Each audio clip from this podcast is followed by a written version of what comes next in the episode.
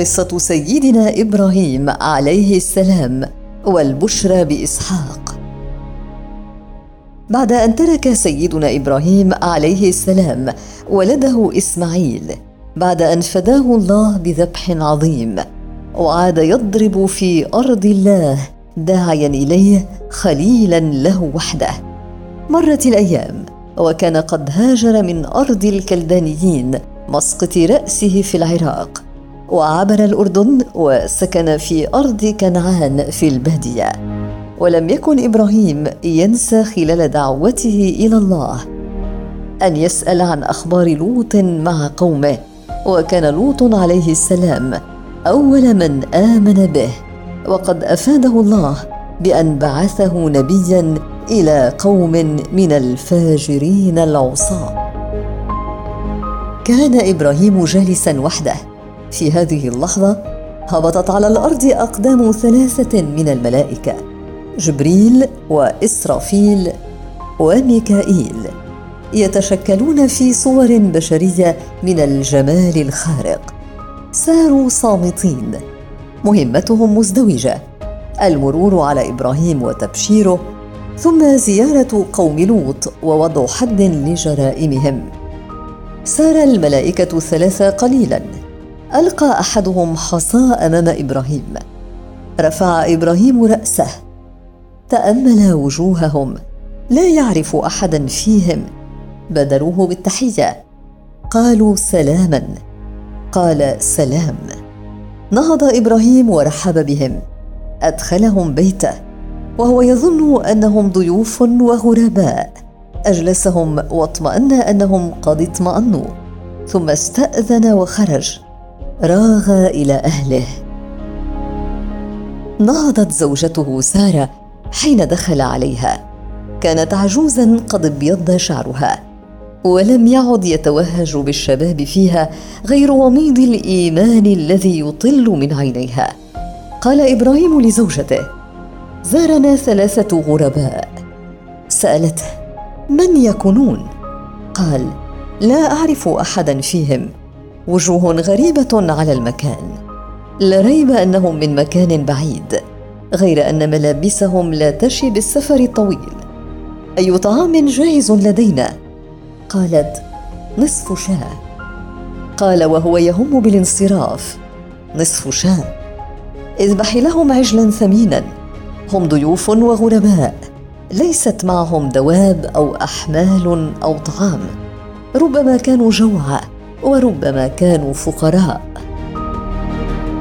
اختار إبراهيم عجلا ثمينا وأمر بذبحه فذكروا عليه اسم الله وذبحوه. وبدأ شواء العجل على الحجارة الساخنة وأعدت المائدة. ودعا إبراهيم ضيوفه إلى الطعام. أشار إبراهيم بيده أن يتفضلوا بسم الله. وبدأ هو يأكل ليشجعهم. كان إبراهيم كريما يعرف أن الله لا يتخلى عن الكرماء وربما لم يكن في بيته غير هذا العجل وضيوفه ثلاثة ونصف شاة تكفيهم ويزيد غير أنه كان سيدا عظيم الكرم. راح إبراهيم يأكل ثم استرق النظر إلى ضيوفه ليطمئن أنهم يأكلون. لاحظ أن احدا لا يمد يده إلى الطعام. فقرب إليهم الطعام وقال ألا تأكلون؟ ثم عاد إلى طعامه مرة أخرى. ثم اختلس النظر إليهم فوجدهم لا يأكلون. رأى أيديهم لا تصل إلى الطعام. عندئذ أوجس منهم خيفة وفي تقاليد البادية التي عاش فيها إبراهيم كان معنى امتناع الضيوف عن الأكل أنهم يقصدون شرا بصاحب البيت. ولاحظ إبراهيم بينه وبين نفسه أكثر من ملاحظة تؤيد غرابة ضيوفه. لاحظ أنهم دخلوا عليه فجأة. لم يرهم إلا وهم عند رأسه. ولم يكن معهم دواب تحملهم. لم تكن معهم أحمال. وجوههم غريبة تماما عليه. كانوا مسافرين وليس عليهم أثر لتراب السفر. ثم ها هو ذا يدعوهم إلى طعامه فيجلسون إلى المائدة ولا يأكلون. ازداد خوف إبراهيم. كان الملائكة يقرؤون أفكاره التي تدور في نفسه دون أن يشي بها وجهه. قال له أحد الملائكة لا تخف. رفع إبراهيم رأسه وقال بصدق عظيم وبراءه اعترف أنني خائف. لقد دعوتكم إلى الطعام ورحبت بكم. ولكنكم لا تمدون أيديكم إليه. هل تنوون بي شرا؟ ابتسم أحد الملائكة وقال نحن لا نأكل يا إبراهيم. نحن ملائكة الله. وقد أرسلنا إلى قوم لوط. ضحكت زوجة إبراهيم وكانت قائمة تتابع الحوار بين زوجها وبينهم فضحكت.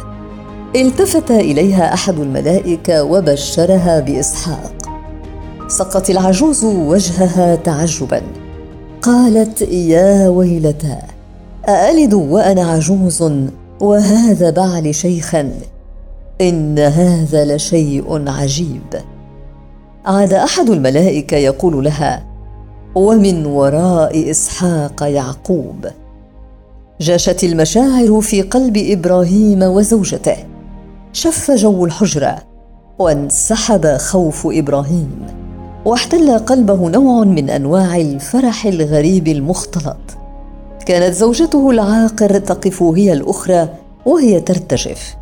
إن بشارة الملائكة تهز روحها هزا عميقا.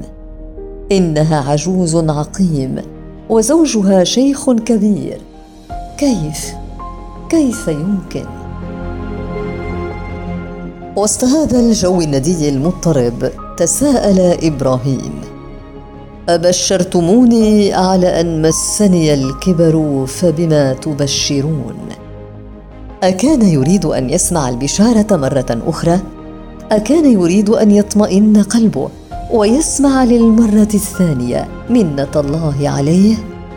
أكان ما بنفسه شعورا بشريا يريد أن يستوثق ويهتز بالفرح مرتين بدلا من مرة واحدة؟ أكد له الملائكة أنهم بشروه بالحق. قالوا بشرناك بالحق فلا تكن من القانطين. قال ومن يقنط من رحمة ربه إلا الضالون. لم يفهم الملائكة إحساسه البشري فنوه عن أن يكون من القانطين وأفهمهم أنه ليس قانتا إنما هو الفرح.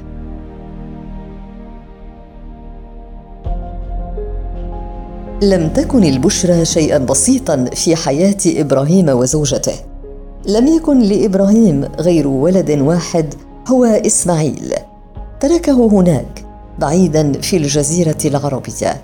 ولم تكن زوجته سارة قد أنجبت خلال عشرتها الطويلة لإبراهيم وهي التي زوجته من جاريتها هاجر. ومن هاجر جاء إسماعيل. أما سارة فلم يكن لها ولد. وكان حنينها إلى الولد عظيما. لم يطفئ مرور الأيام من توهجه. ثم دخلت شيخوختها واحتضر حلمها ومات. وكانت تقول إنها مشيئة الله عز وجل. هكذا أراد الله لها وهكذا أراد لزوجها. ثم ها هي ذي في مغيب العمر تتلقى البشارة. ستلد غلاما ليس هذا فحسب. بشرتها الملائكة بأن ابنها سيكون له ولد. تشهد مولده وتشهد حياته. لقد صبرت طويلا ثم يئست ثم نسيت ثم يجيء جزاء الله مفاجأة تمحو هذا كله في لحظة. فاضت دموعها وهي تقف وأحس إبراهيم عليه الصلاة والسلام بإحساس محير. جاشت نفسه بمشاعر الرحمة والقرب وعاد يحس بأنه إزاء نعمة لا يعرف كيف يوفيها حقها من الشكر. وخر إبراهيم ساجدا على وجهه. انتهى الأمر واستقرت البشرى في ذهنيهما معا. نهض إبراهيم من سجوده وقد ذهب عنه خوفه واطمأنت حيرته وغادره الروع. وسكنت قلبه البشرى التي حملوها إليه وتذكر أنهم أرسلوا إلى قوم لوط ولوط ابن أخيه النازح معه من مسقط رأسه والساكن على مقربة منه. وإبراهيم يعرف معنى إرسال الملائكة إلى لوط وقومه. هذا معناه وقوع عذاب مروع. وطبيعة إبراهيم الرحيمة الودودة لا تجعله يطيق هلاك قوم في تسليم. ربما رجع قوم لوط وأقلعوا وأسلموا وأجابوا رسولهم. وبدأ إبراهيم يجادل الملائكة في قوم لوط. حدثهم عن احتمال إيمانهم ورجوعهم عن طريق الفجور. وأفهمه الملائكة أن هؤلاء قوم مجرمون وأن مهمتهم هي إرسال حجارة من طين مسومة من عند ربك للمسرفين. وعاد إبراهيم بعد أن سد الملائكة باب هذا الحوار. عاد يحدثهم عن المؤمنين من قوم لوط. فقالت الملائكة نحن أعلم بمن فيها. ثم أفهموه أن الأمر قد قضي وأن مشيئة الله تبارك وتعالى قد اقتضت نفاذ الأمر وهلاك قوم لوط. أفهم إبراهيم أن عليه أن يعرض عن هذا الحوار ليوفر حلمه ورحمته. لقد جاء أمر ربه وتقرر عليهم عذاب غير مردود عذاب لن يرده جدال إبراهيم. كانت كلمة الملائكة إيذانا بنهاية الجدال. سكت إبراهيم وتوجهت الملائكة لقوم لوط. عليه السلام.